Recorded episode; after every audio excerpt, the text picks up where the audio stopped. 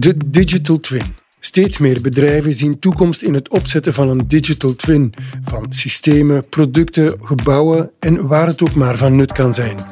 En terecht. Het gebruik van een digital twin wordt gezien als de business case van morgen, die de basis is van alle beslissingen. Wat houdt zo'n digital twin in? Wanneer is het van toegevoegde waarde en hoe begin je ermee te werken?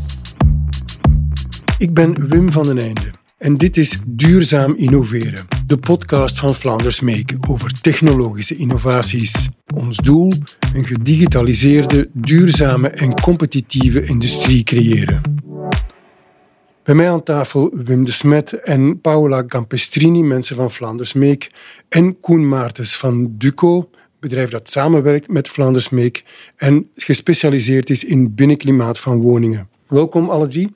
Uh, mijn eerste vraag is eigenlijk, wat is precies een digital twin? Wim, kan jij dat uitleggen? Een digital twin, dat zou je kunnen zien als een soort van uh, digitaal paspoort of een virtuele replica van een specifiek reëel systeem. En een systeem dat, dat kan een fiets of een wagen of een windturbine of een stad zijn of, een, of zelfs onszelf. We kunnen een digital twin van onszelf maken. Dat is een, een paspoort dat op basis van een veelheid van modellen u in staat stelt om de toestand van een systeem uh, te beschrijven. Dat je weet in welke toestand het zich bevindt. En dan kun je op basis daarvan heel nuttige acties definiëren en mhm. uitrollen. Dus het gaat eigenlijk om een hoop data op een computer die iets beschrijven. Ja, dus je brengt data samen en dat uh, vormt een geheel waaruit je dan dus de toestand kunt uh, uit uh, afleiden. en dan kun je zien dat je systeem ervoor zorgen dat het systeem op elk ogenblik tijdens zijn levensloop in zijn optimaal werkingspunt kan gebruikt worden. Mhm. Ik denk dat het belangrijk is, is niet alleen data. Natuurlijk zijn data van, van de fysieke systeem, gekoppeld ook aan modellen om inderdaad oké die toestand te kunnen beschrijven van nu, maar ook voorspelling te kunnen doen van wat gaat gebeuren. En dan, zoals Wim zegt, ja, actie ondernemen om het systeem altijd in die optimale manier te laten werken. Mm Geef ze een aantal voorbeelden van digital twins? Of? Ja, misschien een voorbeeld die misschien bij veel mensen iets kan betekenen is uw auto op basis van data en modellen kan je voorspellen wanneer je moet bij de garage gaan om uh, bepaalde ja, onderhoud uh, te kunnen doen. Op basis van een digital twin kan je in plaats van om de, elke jaar te gaan, om, om de 30.000 kilometer, kan je meer predictief zeggen, ah ja, kijk, het is beter dat je nu bij de garage langs gaat om ja, je banden op te zetten of uh, andere actie, onderhoudsactie te doen. Koen, jij staat in het bedrijfsleven. Heeft het in jouw bedrijf ook toepassingen? Wel, binnen Duco zijn wij ook bezig met digital twins. Uh, wij zijn eigenlijk aan het proberen om woningen die geplaatst worden, om die zowel tijdens de ontwerpfase, ook tijdens de productiefase, maar vooral tijdens de volledige levenscyclus van, uh, van de woning, om bij te houden hoe dan die woningen zich verhouden met de omgeving en de bewoner.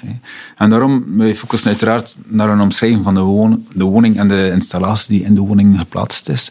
Maar we betrachten ook wel aandacht te hebben voor de bewoner in die woning. Want hij, bepaalt, hij of zij bepaalt heel sterk het gedrag, het energieverbruik, het comfort van de woning. Maar ook de omgeving. Staat die woning bijvoorbeeld aan zee, staat die in de Ardennen, staat die ergens anders, dan wordt het binnenklimaat van die woning heel sterk bepaald door de omgeving. Dus voor ons is Digital Twin uiteraard, eh, zoals de wagen, het product of het systeem, maar vooral ook de gebruiker en de omgeving. Dus kan zeer uiteenlopende, de meest uiteenlopende vormen aannemen. Oh, absoluut. Eh, als we het daar net ook over onderhoud hadden, ik denk bijvoorbeeld ook aan windturbines, omdat we daar nu ook concreet mee bezig zijn.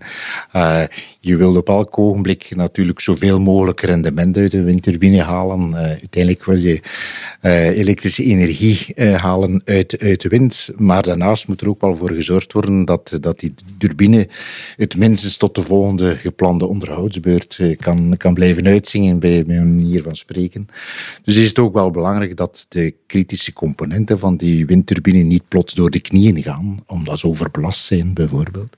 Dus vandaar dat je met een, een digitale tweeling van een individuele windturbine kunt gaan inschatten wat de verwachte levensduur kan zijn, dat je eventueel dan ook de instellingen van die windturbine kunt bijpassen, de richting van de windturbine ten opzichte van de wind en zelfs ja, de aanvalshoek van de wind ten opzichte van de uh, bladen van de windturbine, die zo aanpassen, misschien met een beetje ten koste van wat energie-efficiëntiewinst, maar dat je de betrouwbaarheid hebt zodanig dat je uiteindelijk globaal gezien een optimaal gebruik van, van uw instrument, van uw apparaat hebt. En je hebt dus een digital twin voor iedere turbine. Absoluut. Ja, dat is een belangrijk punt dat u aanhaalt.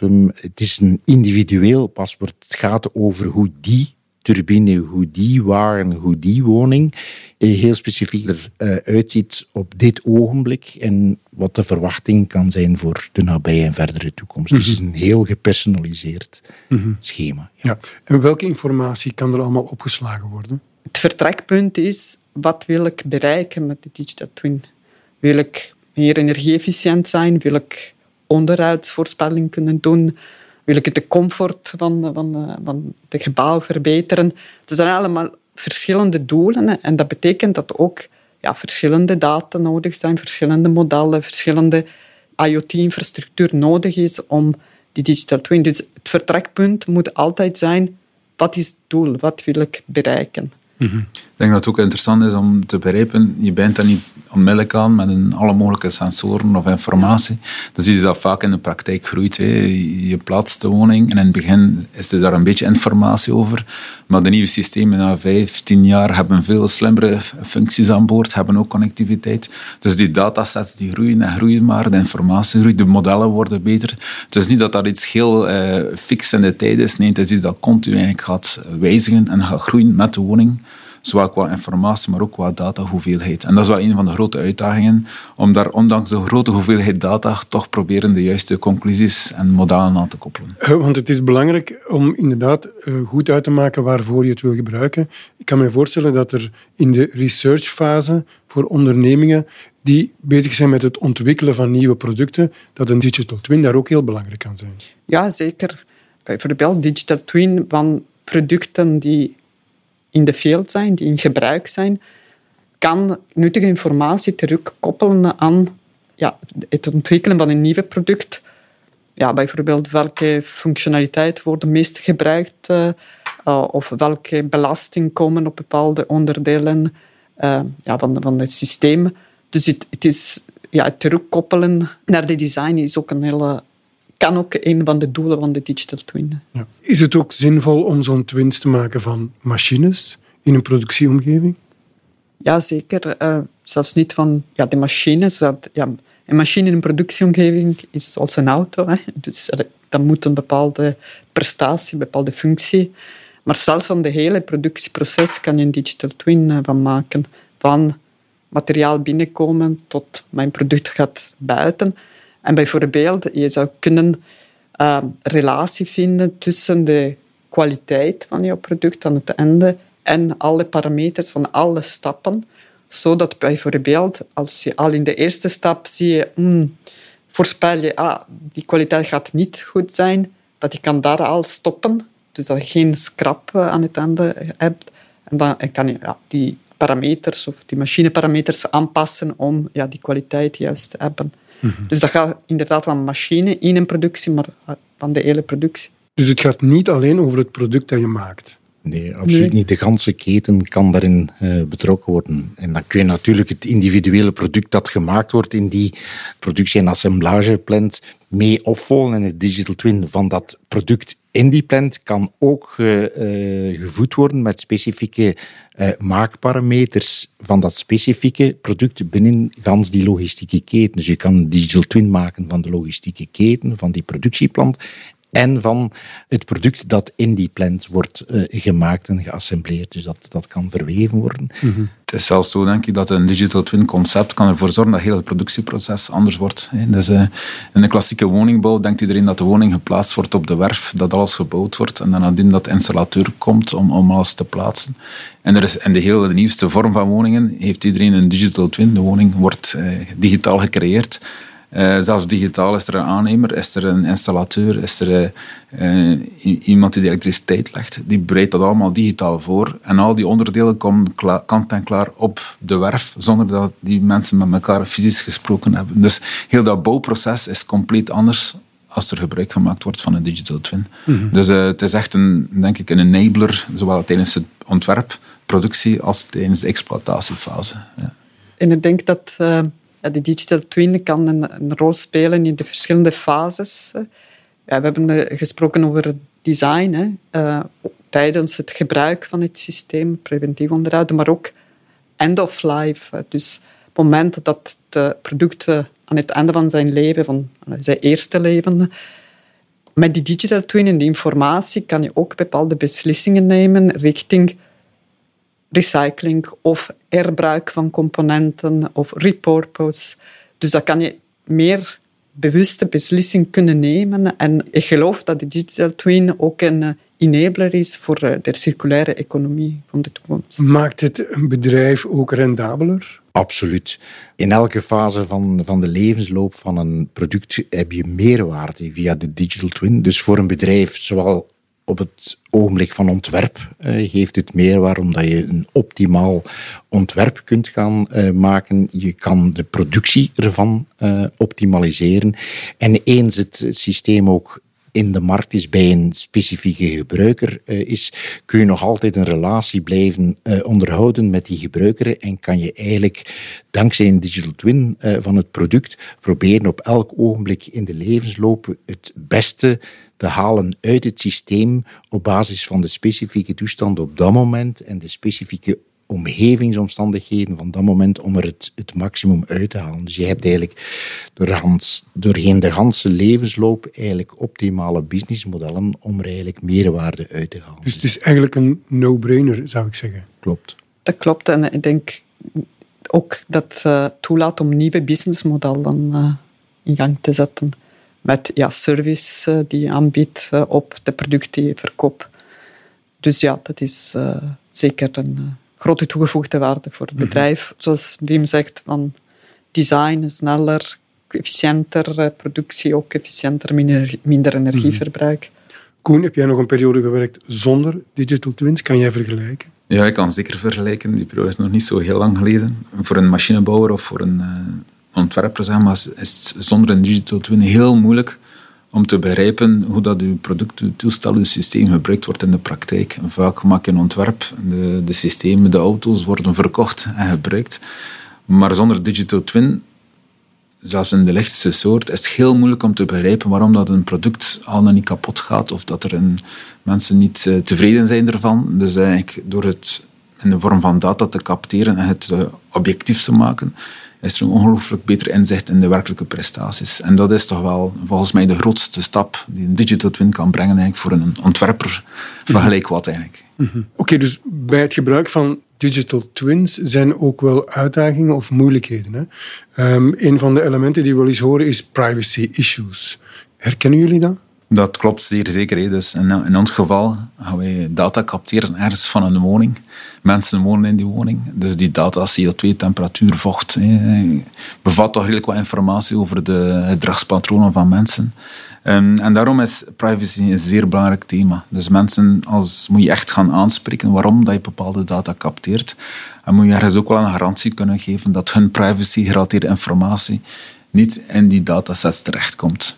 En uh, als dat niet gebeurt, zit je toch met een zekere onzekerheid. Mensen voelen zich toch wat uh, bekeken. En uh, privacy is echt wel een thema die moet ik zeggen, op een hele deftige manier moet aangepakt worden. Ja. Of als je een auto hebt waar ergens een digital twin van bestaat, dan denk je, oei, ik word hier getracked. Of... Maar zelfs bij auto's, bijvoorbeeld als je een gsm hebt, vaak gebeurt het dat je s morgens opstaat en dat de gsm jou vertelt van kijk, eh, het is nog twintig minuten voordat je naar de tennis gaat, omdat hij weet dat je elke weekend wel naar de, de tennis gaat spelen. Ja. Mensen kunnen dat persoonlijk vinden, dat is ook wel heel raar. En technisch is het nou niet zo heel moeilijk om te gaan voorspellen wat iemand gaat doen. dat klinkt heel bizar. Maar het is natuurlijk wel een beetje een bangelijk idee dat deze informatie bij andere personen zou terechtkomen. En dat gaat over... Uh, routetrajecten naar een bepaalde club, maar daar kan gaan over mensen die al dan niet van naar huis rijden of niet. Strava is daar ook een heel mooi voorbeeld van, denk ik, dat gedragspatronen gevolgd worden. En mensen zijn daar gelukkig maar zich heel bewust van. Het voordeel is ook wel dat er bepaalde wetgeving bestaan en bepaalde wettelijke GDPR-eisen die dat eigenlijk op een heel mooie manier gaan oplossen. En het is dus een kwestie om ieder individueel persoon die zich allez, aangesproken voelt, dat toch trachten op een vrij duidelijke en eenvoudige manier uitleggen dat die privacy op zich kan opgelost worden en dat dat geen issue hoeft te zijn. Ja, dus daar zijn oplossingen, wettelijk. Ja. En ik denk die in algemeen de uitdaging is uh, ja, data collecteren is gemakkelijk. Er zijn veel sensoren overal. Het is inderdaad de data ja, structureren, eh, analyseren, maar ook ja, inderdaad met, uh, omgaan met privacy van data. Dus data collecteren is maar één uh, aspect, maar daar komt wel veel andere zaken bij kijken. Maar er zijn natuurlijk uh, zekere oplossingen voor. Het is eigenlijk vooral een kwestie dat je de, de data van de systemen loskoppelt van de privacy-gerelateerde informatie. Dus namen, zaken die kunnen gerelateerd worden aan personen moeten echt in een aparte database geplaatst worden met de nodige security maatregelen. En op ieder ogenblik dat die persoon wil zich uitschrijven uit dat systeem, moet hij verplicht uh, die data kunnen verwijderen. Daarom moet de, de, echte data niet weg, maar de persoonsgerelateerde informatie moet verdwijnen uit het systeem. En daar kun je garanties voor geven. Maar het is natuurlijk vooral een kwestie om daar met de juiste partijen een juiste infrastructuur voor op te zetten. Stel dat ondernemers dit horen en zeggen, ja, ik wil daaraan beginnen. Hoe doe je dat? Ik denk, zoals Paula daarnet al zei, eerst je doelen stellen. Wat wil je eh, bereiken? En dan gaan eh, definiëren welke informatie heb ik nodig om dat doel te bereiken en welke sensoriek, welke sensoren, meetgegevens heb ik nodig op mijn uh, systeem om de nodige informatie te bekomen om je doel te bereiken. En als je dat helder hebt, dan kun je een digital twin in zijn liefst meest eenvoudige vorm beginnen uh, maken. -hmm. Dus we spreken niet over waanzinnige investeringen.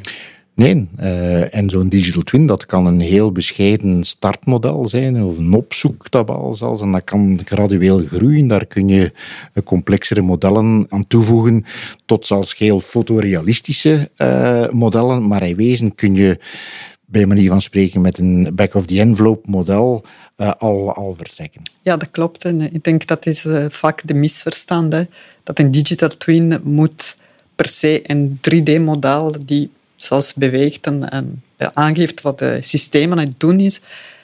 Maar ja, vaak, dat is niet nodig voor, uh, voor veel van de doelen. Ook voor predictive maintenance ja, moet je gewoon iets meten dat ja, een signaal is en die geeft aan, ah, hier is iets niet normaal, dat moet bekeken worden. Dus ik denk dat inderdaad veel mensen hebben schrik dat ja, en heel complexe modellen moet gebruiken en veel, veel data's.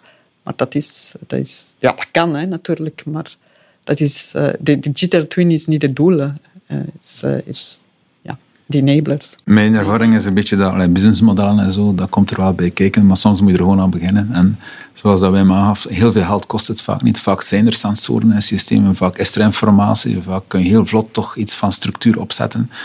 En mijn ervaring leert dat je door eraan te beginnen dat je ja, nieuwe uitvindingen krijgt, zeg maar, waardoor dat die businessmodellen op zich wel komen. Hè. Maar je moet er gewoon aan beginnen, denk ik. Hoe, hoe kleinschalig ook. Ik denk dat dat een, de grootste tip is voor iedereen. Oké, okay, hopelijk hebben we mensen kunnen motiveren. Hartelijk dank, alle drie, voor jullie bijdrage. Graag gedaan. Dit was Duurzaam Innoveren, de podcast van Vlaanders Make. Bedankt voor het luisteren. We zijn er binnenkort weer met een nieuwe aflevering. Wil je zeker weten dat je hem niet mist? Vergeet dan niet jezelf te abonneren.